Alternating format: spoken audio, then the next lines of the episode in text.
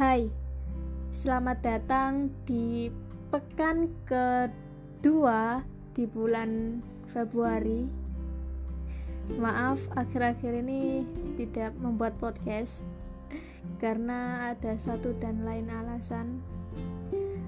Um, aku mau ngucapin terima kasih kepada kalian yang senantiasa mendengarkan podcast ini. Kali ini aku ingin membahas tentang menyendiri. Seperti biasa, kalau kalian pengen dengerin, silakan dengerin, dan kalau kalian risih, silakan di skip aja nggak apa-apa. Oke, aku akan jelasin. Siapa pun kita, apa pun rutinitas yang kita lakukan setiap hari, saya kira kita semua itu butuh menyendiri sesekali bukan karena frustasi, tetapi karena kita butuh me time untuk lebih mengenal diri sendiri dan juga memberi kebebasan untuk berpikir sendiri. Memang belum ada riset yang konkret membuktikan bahwa menyendiri itu baik untuk jiwa atau psikologis. Nalar dan akal sehat kita cukup ampuh untuk memilih mana yang baik dan mana yang buruk untuk diri kita sendiri. Saya sangat percaya hal tersebut karena semengerti apa pun orang lain terhadap kita, mereka bukan kita. Mereka tetap orang yang berada di luar kita. Kita adalah orang yang paling mengerti diri kita sendiri.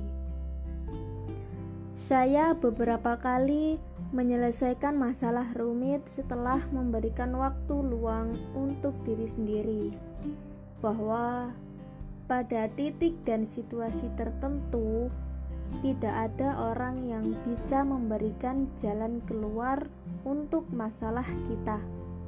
Emosi yang sedang tak stabil juga membuat kita sulit untuk menerima saran dari orang lain. Mungkin teman-teman sebagian pernah berada pada posisi itu, tapi percayalah, sebagai manusia, suatu saat kita pasti mengalami hal absurd semacam itu. Saya meyakininya demikian. Maka, ketika teman-teman berada pada situasi demikian, jangan serta-merta menuding nasib, karena itu tidak baik. Lihat dengan jernih ke dalam diri. Apakah kita sudah mengalokasikan waktu yang cukup luas untuk diri sendiri? Apakah kita cukup adil dengan membagikan waktu secara bijak untuk orang lain dan diri sendiri? Kebanyakan dari kita lebih sering memikirkan masalah orang lain hingga mengabaikan diri sendiri. Tidak masalah kok jika ingin menyendiri. Malahan, kalian bisa mendapatkan manfaat yang luar biasa dan tak terduga dari menyendiri itu. Sayangnya, masih banyak orang Indonesia yang memandang buruk jika melihat seseorang lagi makan, nonton, atau jalan-jalan di mall sendirian entah dicap tidak bisa bergaul, sombong, sampai dikira depresi. Padahal tidak selamanya menyendiri itu buruk dan bukan berarti pula kalian mengalami gangguan sesuatu. Bahkan menurut beberapa dokter, menyendiri itu bukan berarti depresi. Untuk menentukan seseorang memiliki depresi, diperlukan pemeriksaan ke dokter, bukan asal tunjuk karena seseorang terlihat murung atau sering beraktivitas sendirian. Sebagian besar peneliti penelitian menunjukkan bahwa terlalu terlalu banyak isolasi sosial yang berdampak serius pada kesehatan fisik dan mental namun tidak selamanya seperti itu. Ini karena menyendiri menyendiri atau beraktivitas sendirian ada manfaatnya juga. Apalagi selama kalian dapat menyeimbangkannya dengan koneksi sosial yang kuat, bisa dibilang sendirian bisa menjadi me time. Berikut ini aku rangkum beberapa manfaat menyendiri. Yang pertama, meningkatkan konsentrasi dan memori. Ketika bekerja dalam satu grup atau tim, kalian cenderung kurang menyerap banyak informasi ataupun sulit konsentrasi. Apalagi banyak ide yang terlontar dari orang lain, sehingga menyulitkan untuk fokus. Fenomena ini disebut sebagai social loving. Bolehlah sesekali meminta atasan untuk mengerjakan tugas secara individual. Ini supaya mendapat mendapatkan hasil yang maksimal dan menyelesaikan pekerjaan secara tepat waktu. Yang kedua, fokus pada minat.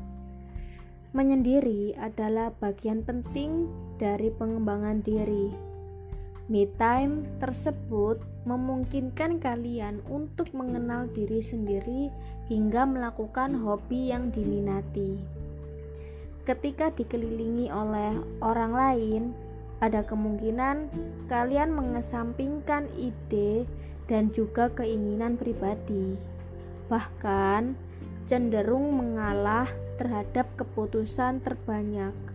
Hal ini membuat kreativitas kalian terbelenggu. Itu sebabnya kali perlu waktu menyendiri.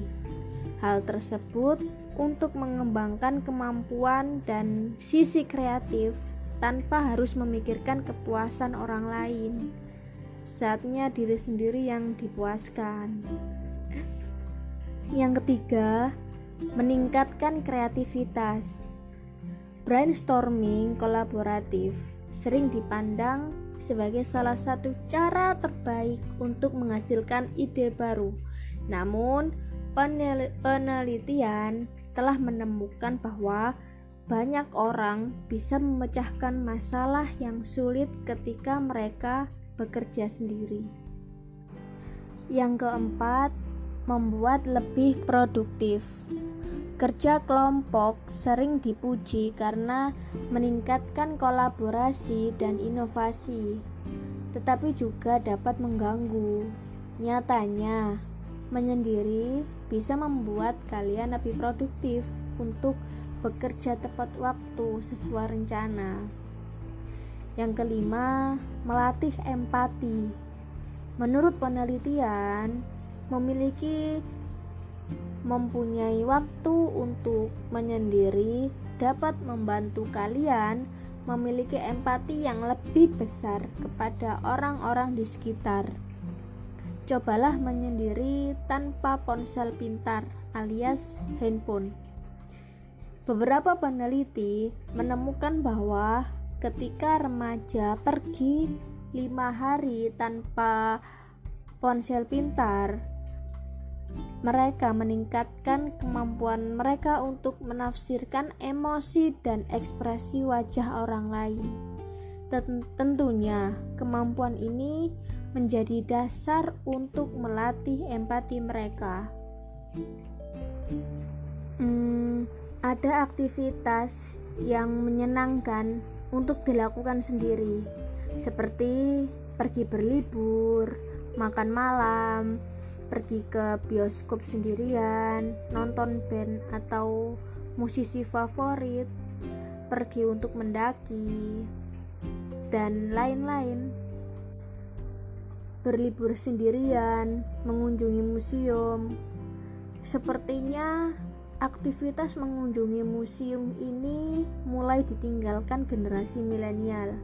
Padahal sebenarnya berkeliaran di museum sendirian adalah cara yang bagus untuk menghabiskan waktu. Ini juga bagus untuk kalian mendapat pengetahuan baru tanpa disinteraktif oleh orang lain. Itulah tadi manfaat dan kegiatan yang bisa dilakukan saat ingin menyendiri atau me time. Namun, ini bukan mengajarkan kalian untuk antisosial loh. ini melainkan menyarankan untuk kali untuk kalian menjalani hidup seimbang. Karena pasti ada momen yang membuat kalian ingin menyendiri dulu. Ya kan? E, kalian boleh memberikan masukan pendapat kritik dan saran kalau ada kesalahan. Um, maaf backgroundnya ini ada suara hujan karena di sini lagi hujan.